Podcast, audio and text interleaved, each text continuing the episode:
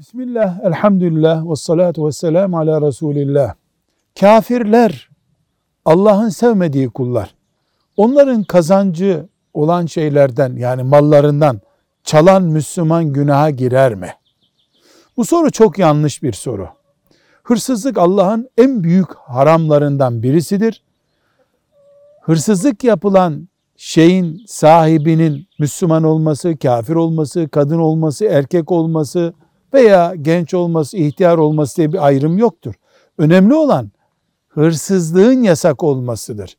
Dolayısıyla Müslümandan çalan da hırsızdır, kafirden çalan da hırsızdır. Velhamdülillahi Rabbil Alemin.